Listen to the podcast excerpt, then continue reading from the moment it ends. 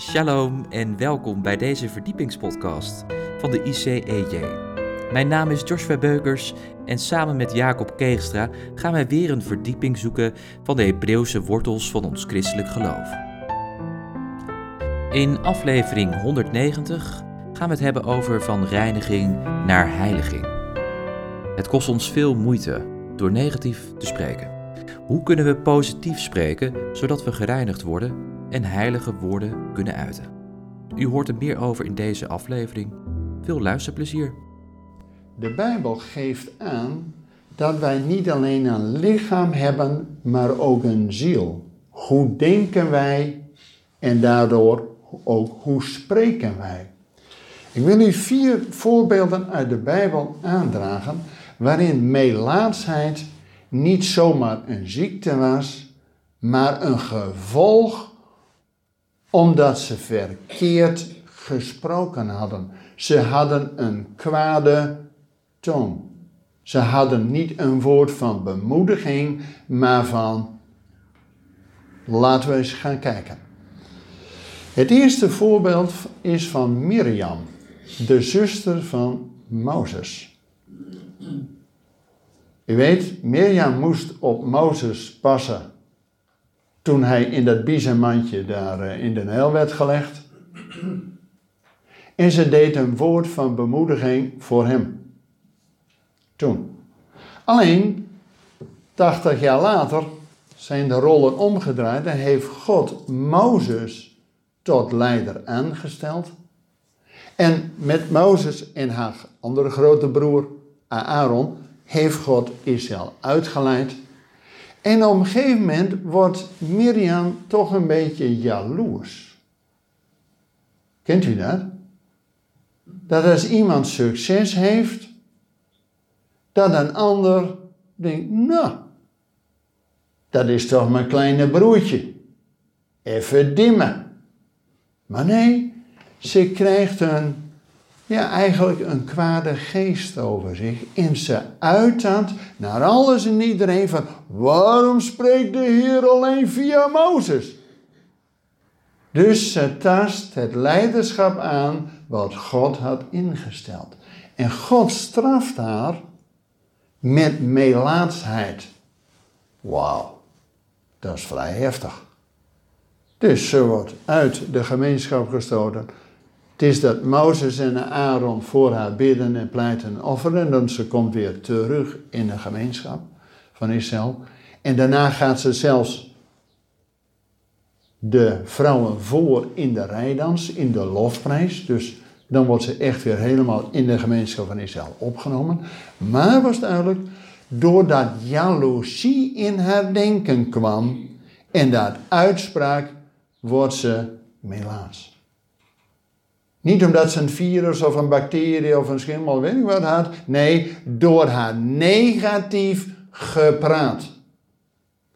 Een ander voorbeeld in de Bijbel. Misschien kent u de naam van koning Uzia. Misschien niet. Dat was een zeer godvrezend iemand. We weten dat David heeft 40 jaar op de troon gezeten van Israël. Salomo ook 40 jaar. Maar deze Uzia spande de kroon. Die heeft 50 jaar op de troon van Israël gezeten. En hij had een hart die de Heer volkomen was toegedaan. Maar nou komt het. Na 50 jaar trouwe dienst.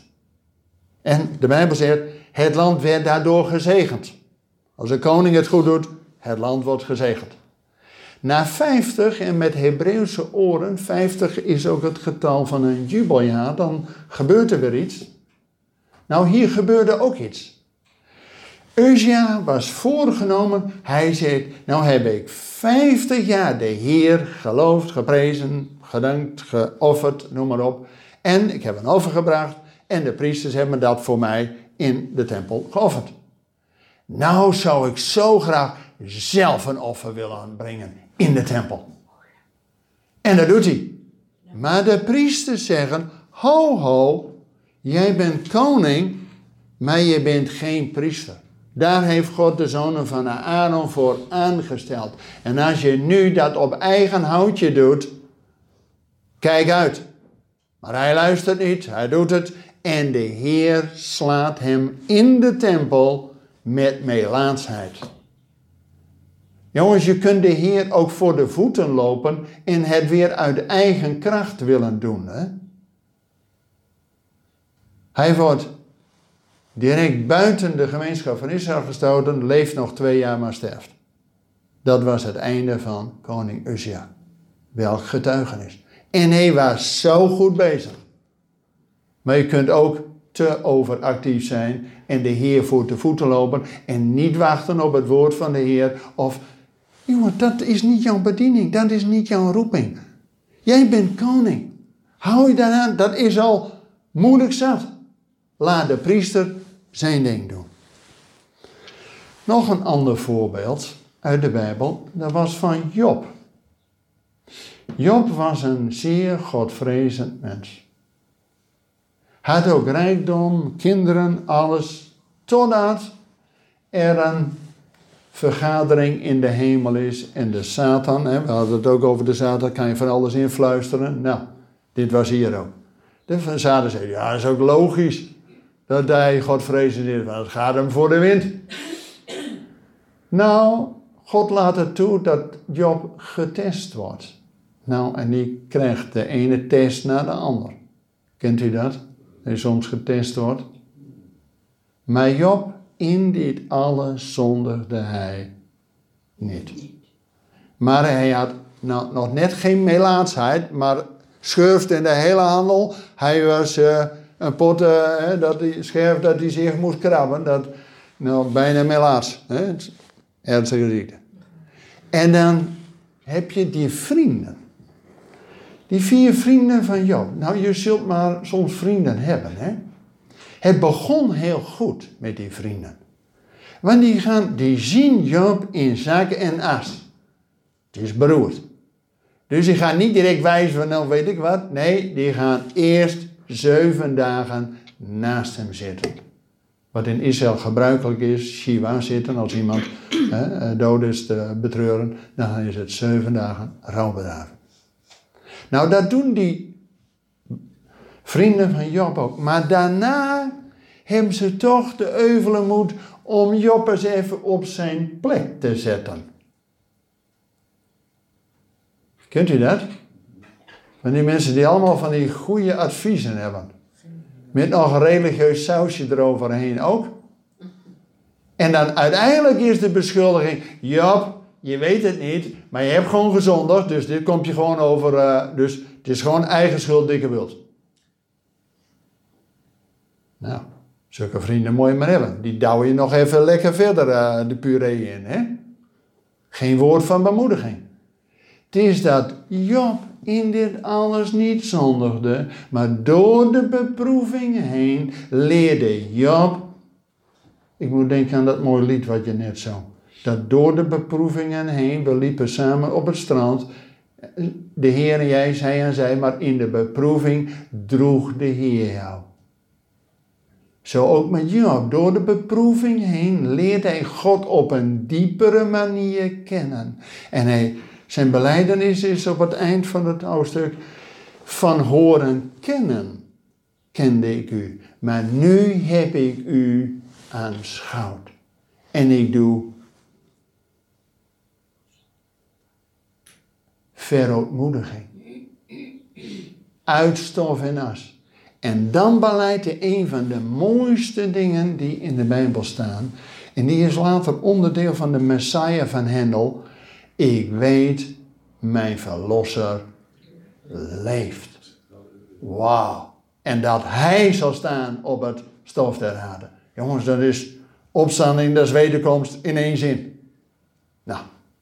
En Job gaat dan bidden voor zijn vrienden. Zodat ook zij weer in de gemeenschap opgenomen mogen worden. Dus niet die vrienden, maar Job had een woord van bemoediging, troost en van dat ze weer hersteld worden. Nou, als laatste voorbeeld, en die kent u wellicht, dat is een Syrische generaal Naaman. En Naaman was een geëerde generaal, want hij had allerlei overwinningen voor zijn Syrische koning behaald. Was een gevierd mens. Maar hij kreeg melaatsheid. En op een van die zijn triomftochten en veroveringstochten had hij een Israëlisch meisje meegevoerd en die was als slavin in het huis van Naaman. Die diende zijn vrouw.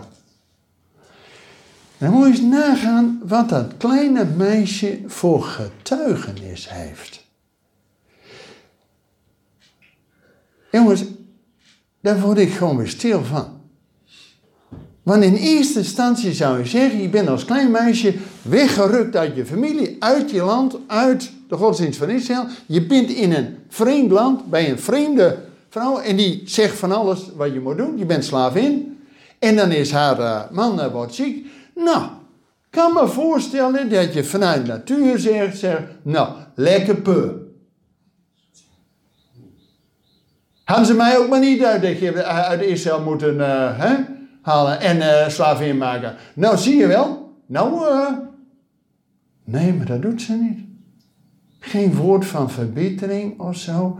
Ze zegt notabene, och, tegen haar, de vrouw van Aman, zegt van, als men hier nou maar naar de profeet in Samaria zou gaan, dan zou die hem gewoon genezen. Moet eens kijken wat een geloof zo'n meisje uitstraalt. Ze heeft geen idee of het gaat gebeuren. Maar ze weet, ze gelooft, als die man nou maar daar is, dan komt het wel goed. Nou, en Naaman, die doet dat. Op het getuigenis van zo'n klein meisje gaat Naaman naar de koning. Die denkt, zo, wat krijgen we nou? Dus laten we ook maar brieven meenemen. Net als met Nehemia ook maar brieven naar de koning in Israël. En dan, uh, nou, hij verwacht natuurlijk dat die profeet hem uh, oh, met alle ega's gaat ontmoeten. En dan over de zere plek gaat wrijven en een gebed uitspreken. En dan, nou, weet ik wat, niks ervan. Die profeet uh, heeft helemaal geen behoefte om die Naaman te bezoeken. Of welkom te. Hij stuurt zijn knecht. En wat hij zegt, nou, ga even zeven keer onderdompelen in de Jordaan. Ben je wel eens in Israël geweest? Nou, nu in het voorjaar, dan is de Jordaan redelijk, uh, ja, redelijk riviertje. Maar midden in de zomer, nou, dan kun je er met een polstok gewoon overheen. Dus dan is dat allemaal niet zo. Het is logisch dat die namen zeggen, hoezo, die rivieren daar bij ons zijn veel mooier en weet je wat.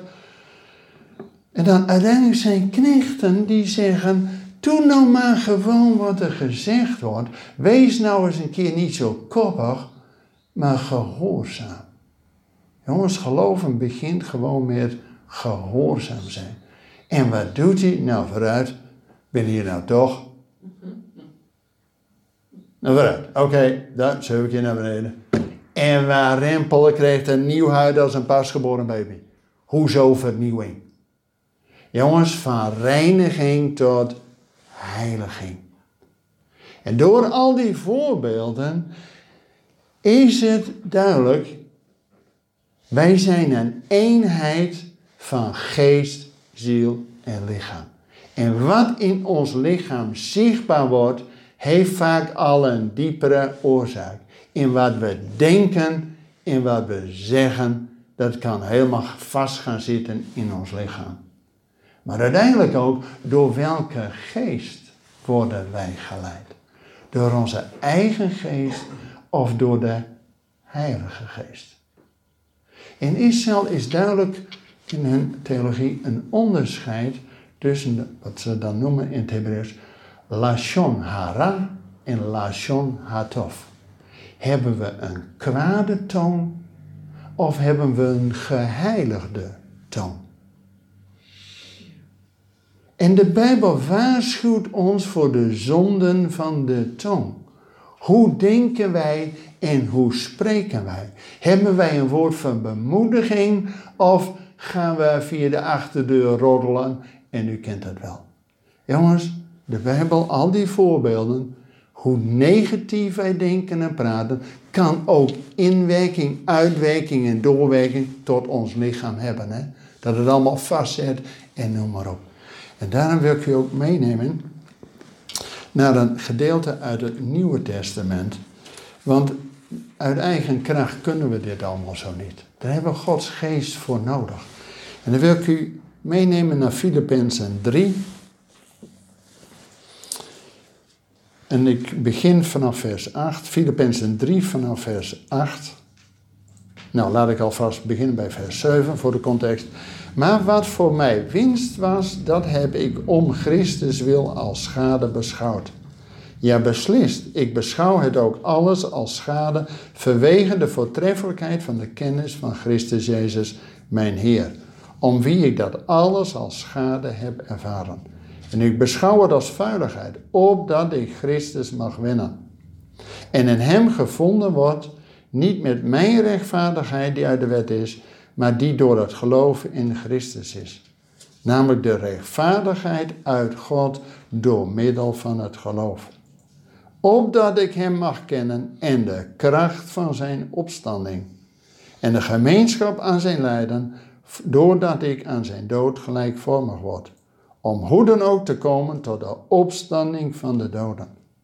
Niet dat ik al verkregen heb of al vermaakt ben, maar ik jaag ernaar om het ook te grijpen. Daartoe ben ik ook door Christus Jezus gegrepen. Broeders, ik zelf denk niet dat ik het gegrepen heb, maar één ding doe ik. Vergetend wat achter mij is. En mij uitstrekken naar wat voor mij is. Jaag ik naar het doel, de prijs van de roeping van God, die van boven is in Christus Jezus. Laten wij dan die geestelijk volwassen zijn, deze gezindheid hebben. En als u iets anders gezind bent, ook dat zal God u openbaren. Maar voor zover wij gekomen zijn, laten wij naar hetzelfde regel wandelen, opdat wij allen eensgezind zijn. Mensen, het is net Pasen geweest, een paar weken geleden. En Pasen is ook altijd de periode van schoonmaak. Dat we het oude wegdoen en het nieuwe verwelkomen. Van de week is onze dochter uh, verhuisd. Waar we donderdag eerst om ook alle troep weg te doen. Alle onreinheid, schrobben, schoonmaken, weet ik wat. Zodat de volgende dag het nieuwe gebeuren erin komt. Dat is duidelijk een keerpunt. En iedere keer in het evangelie gaat het om een keerpunt dat we al die onreinheid wegdoen en een geheiligd leven willen leiden. En dat lukt alleen als Gods geest in ons is. Dan pas kunnen we een geheiligd woord, want de Bijbel is een heilig boek.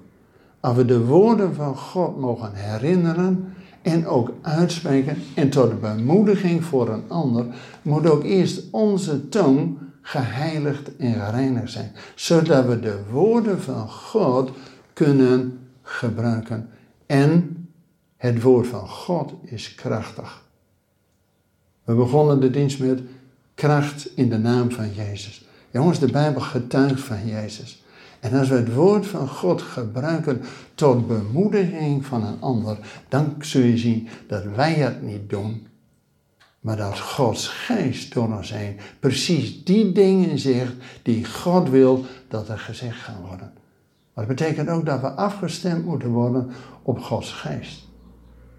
Nou, sinds corona hebben mijn vrouw en ik eigenlijk een gebed van, als we mensen ontmoeten, en dat God ons ook wil gebruiken, dat we dagelijks, ook mensen mogen bemoedigen.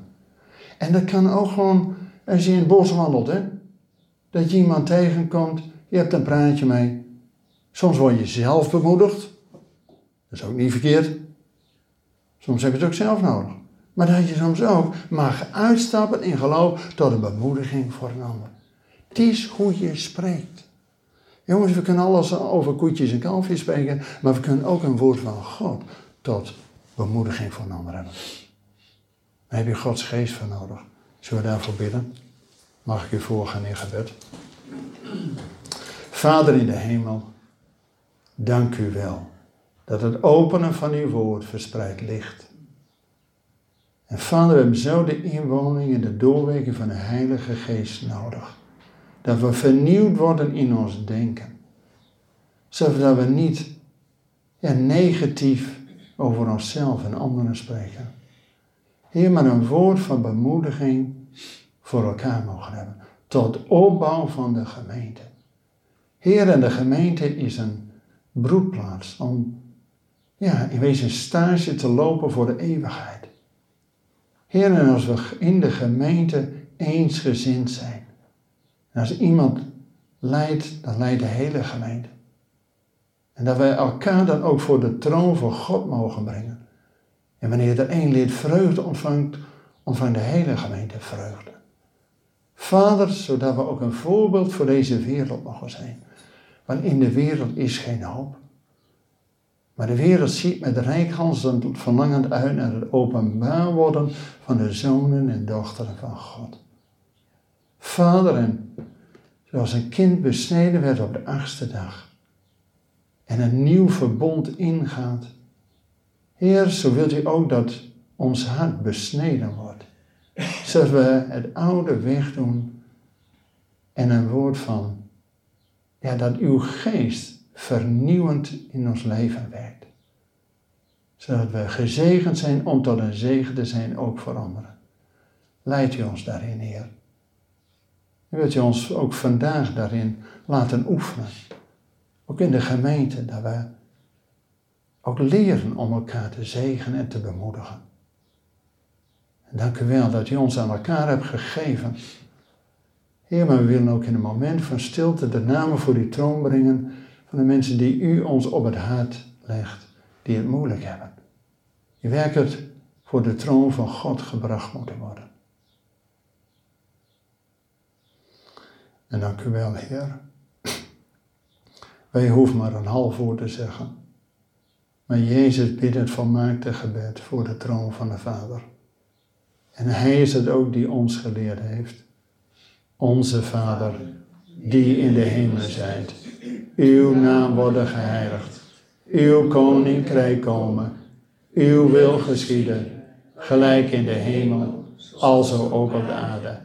Geef ons heden ons dagelijks brood en vergeef ons onze schulden, gelijk ook wij vergeven onze schuldenaren. En leid ons niet in de verzoeking, maar verlos ons van de boze. Want van u is het koninkrijk en de kracht en de heerlijkheid tot in de eeuwigheid. Amen. Bedankt voor het luisteren naar deze verdiepingspodcast van de ICEJ. Waardeert u onze podcast? Steun ons dan. Dat kunt u doen door een donatie of door deze podcast te delen met uw vrienden of familie. Meer informatie hierover vindt u op icej.nl. Volgende week volgt er uiteraard weer een nieuwe aflevering van deze verdiepingspodcast. Luistert u weer met ons mee? Ik hoop van wel. Bedankt voor het luisteren en tot volgende week.